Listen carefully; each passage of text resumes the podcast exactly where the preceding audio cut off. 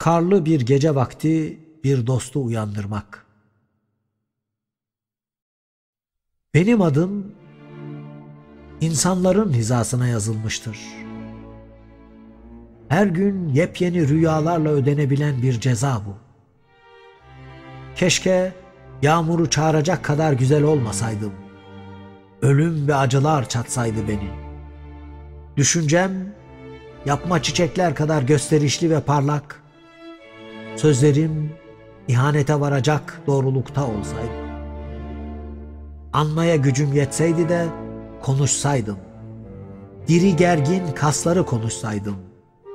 Kardeşler deseydim, kardeşlerim. Bakın yaklaşıyor yaklaşmakta olan. Bakın yaklaşıyor yaklaşmakta olan. Bakın yaklaşıyor. Yazık. Şairler kadar cesur değilim. Çocukların üşüdükleri anlaşılıyor bütün yaşadıklarından. Gövdem kuduz yarasalarla birazcık yatışıyor. Benim gövdem yıllar boyu sevmekle tarazlandı. Öyle bir çalımlarla gecenin çitlerinden atlardım. Bir güneş sayardım kendimi denizin karşısında. Çünkü çam kokularına sürtünüp ağırlaşan ruhların inanmazdım dosyalara sığacağına. Gittikçe ışıldardım dükkanlar kararırken.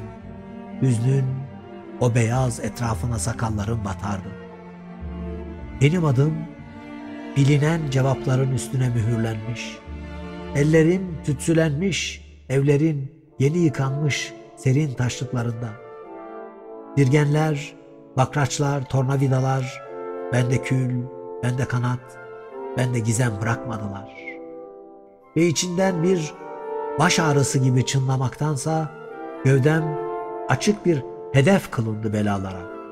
Ve bu yüzden yakışıksız oluyor insanları hummalı baharlar olarak tanımlamak.